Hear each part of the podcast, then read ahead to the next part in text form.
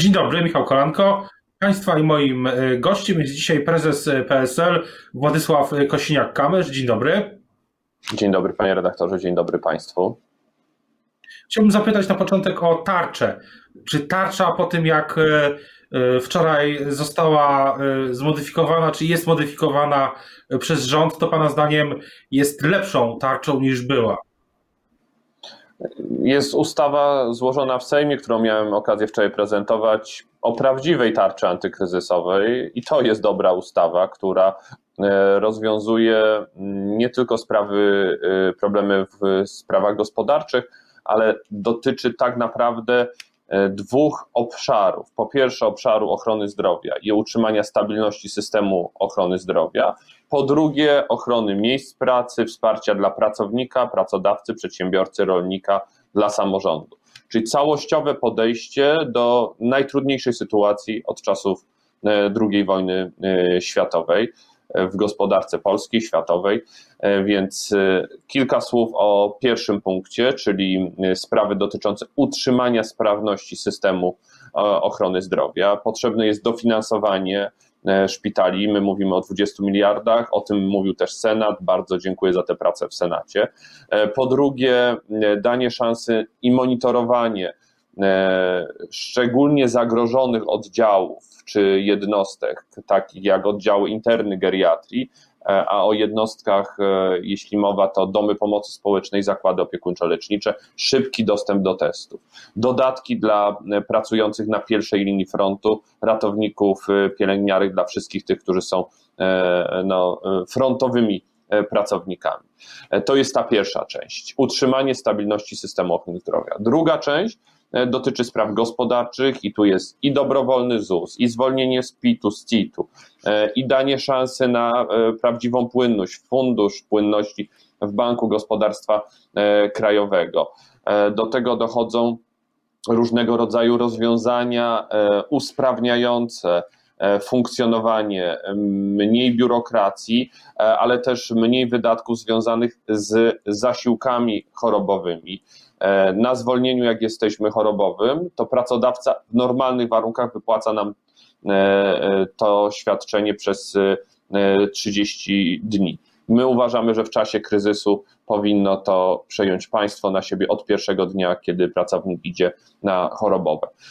To jest część zmian, do tego pakiet rolniczy, bardzo ważny i minimalna pensja dla rolnika w kwarantannie, E, i rozwiązania dla agroturystyki, która powinna być traktowana jak działalność gospodarcza i mieć możliwość wsparcia. Nie różnicujemy firm na lepsze i gorsze, na lepszy i gorszy sort.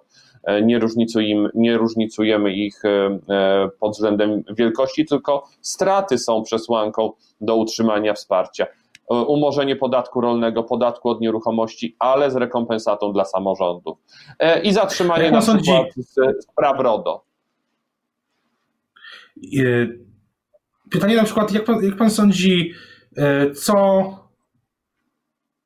E, jak pan sądzi, co z branżą turystyczną? W naszym, jeśli mogę tak powiedzieć, w naszym Krakowie, no branża turystyczna chyba e, najmocniej odczuwa te skutki tej epidemii. Jak pan sądzi, czy, czy w ogóle tarcza branży turystycznej pomoże? 30% e, e, mieszkańców Krakowa e, pośrednio lub bezpośrednio żyje z turystyki. To jest gigantyczna strata dla Krakowa, ale też dla całej Polski, bo przypomnę, że turystyka jako gałąź gospodarki jest odpowiedzialna za 6% polskiego PKB. I to jest no, bardzo ważna część polskiej gospodarki ona jest dzisiaj w zapaści. ona tak naprawdę przestała funkcjonować. E, w wielu firmach już doszło do zwolnień. 50%, 70% e, pracowników traci pracę. W tej branży e, źródło zarobkowania może utracić nawet 600 tysięcy osób. Bez pomocy dzisiaj w utrzymaniu firmy, a za chwilę bez pomocy do, do, powrotu do aktywności na rynku, bo te, te, ten sezon będzie stracony. Nawet jakby się nam udało pokonać e, tą pierwszą falę epidemii koronawirusa, no to granice nie tak szybko będą otwarte, nie będzie też takiej chęci i woli do e, podróżowania, przemieszczania się. więc to jest branża szczególnej wrażliwości i wymaga szczególnego wsparcia. Ja dołączyłem do tego agroturystykę, bo ona nie jest traktowana jako działalność gospodarcza, tylko jak spe, jako specjalistyczna działalność rolnicza, no ale też kompletnie nie funkcjonuje w tym czasie, więc y, trzeba, trzeba lekarz... dużego wsparcia. A pan jako lekarz, jak pan ocenia e, to, co robi teraz rząd, jeśli chodzi o samą e, epidemię? E, jakie pan ma sygnały ze służby zdrowia? Bo wydaje się, że bardzo wiele niestety zakażeń to są zakażenia w, w służbie zdrowia i w, w, w ośrodkach zamkniętych, w DPS-ach i innych podobnych ośrodkach. Więc pytanie, jakie pan ma sygnały i jak pan ocenia jako lekarz to, co robi rząd w, ogóle w tej sprawie e, epidemii? E, po pierwsze, e, najważniejsze jest to, żeby ochronić placówki służby zdrowia, ochrony zdrowia, ale również placówki opiekuńczo-lecznicze, zakłady opiekuńczo-lecznicze czy domy pomocy społecznej przed sytuacją, która ma miejsce w krajach, gdzie koronawirus bardzo szybko się rozprzestrzenia że te miejsca stają się źródłem zakażenia, źródłem e, rozprzestrzeniania się koronawirusa. To jest moment krytyczny wtedy, bo przestaje być wydolna ochrona zdrowia. Jeżeli szpital jest wyłączony, bo tak dużo pracowników jest e, zarażonych lub e, może być nosicielami koronawirusa, dochodzi do sytuacji wyłączenia tej placówki, przez co pacjenci, którzy potrzebują pomocy, nie mają gdzie trafić, robi się przeciążenie innych szpitali, innych oddziałów. Tego trzeba uniknąć, stąd szybkie testy na tych oddziałach, które wymieniłem, szybkie testy e, dla personelu medycznego, krótka ścieżka. Jedną rzecz się udało wywalczyć i to bardzo dobrze, już w weekend zmieniło się rozporządzenie w tej sprawie, e, a mianowicie, że szpitale, które nie mają oddziałów zakaźnych, a taka jest większość szpitali w Polsce, są szpitale powiatowe w znakomitej większości, e, szpitale wojewódzkie w dużej części, nie mają, nie mogły robić e, testów na koronawirusa do tego weekendu, teraz już mogą robić. E, każdy pacjent, moim zdaniem, z zaostrzeniem choroby, chorób układu oddechowego, chorób sercowo-naczyniowych, z podejrzeniem zapalenia płuc, powinien mieć wykonywany na wejściu do szpitala e, test, żebyśmy mogli stwierdzić, e, czy nie niesie e, to ryzyka zarażenia się i powstania infekcji w szpitali. To jest najbardziej wrażliwy punkt teraz. A zgadza się pan z opinią ministra Szumowskiego, że najgorsze jeszcze przed nami? No, jeżeli komuś w tych sprawach możemy mm, ufać lub e, wierzyć w to, że e, podaje nam najbardziej rzetelne informacje minister Szumowski, e, więc nie mam powodu. Mamy, wczorajszy dzień był bardzo trudny, bo i bardzo dużo zgonów, i dużo nowych przypadków, więc E, jak najbardziej bądźmy przygotowani, że sytuacja e, będzie jeszcze trudniejsza za chwilę. A też z drugiej strony, no i tutaj wchodzimy w temat, który budzi dużo emocji, chyba najwięcej teraz emocji. E, wybory prezydenckie w maju, PiS do nich dąży, chce zorganizować wybory korespondencyjne. No i pytanie czy, pytanie, czy pan jako kandydat na prezydenta będzie w nich uczestniczył? Czy będzie pan wzywał swoich wyborców, żeby wysyłali te Mm, przesyłki, żeby uczestniczyli w tym procesie? Najwięcej emocji to budzi zagrożenie życia i zdrowia i obawa o, o miejsce pracy, o to, czy będziemy, będą mieli Polacy z czego żyć. To jest naj, największe emocje. E, niestety e, część polityków, szczególnie rządzący, no, ulegli E, tej e, wojnie politycznej i po prostu nie mogą się jej porzucić i tylko ich interesują sprawy e, polityczne, a nie sprawy merytoryczne. Szkoda. W kilku słowach do, o to, to, co pytał pan redaktor. Ja będę zabiegał o to, żeby zmienić termin wyborów i to jest też rola dla kandydata na prezydenta dzisiaj, bo nie ma prawidłowo przeprowadzanego procesu wyborczego. Jest ryzyko zagrożenia życia i zdrowia, E, nie ma możliwości rzetelnego przeprowadzenia wyborów w maju. Dlatego trzeba zmienić termin wyborów i można to zrobić e, na podstawie obowiązujących przepisów. Stosujemy konstytucję, wchodzi w życie ustawa o stanie klęski żywiołowej i sprawa jest rozstrzygnięta. I naprawdę rząd powinien być roztropny, powinien współdziałać w takiej sytuacji, rozmawiać, a nie tylko i wyłącznie zajmować się utrwalaniem swojej władzy, bo ustawa, która została przyjęta poniedziałek, jest utrwalaniem władzy, a nie e, prowadzeniem procesu wyborczego. A jeśli się, a jeśli, jeśli się nie uda, jeśli e, rząd nie, stos, nie zastosuje tej ustawy o stanie nadzwyczajnym, to wtedy 10 lub 17 maja e, wyborcy PSL będą w tym procesie uczestniczyć, czy nie? Koalicji Polskiej, bo jestem kandydatem całej Koalicji Polskiej, Koalicji Polskiej.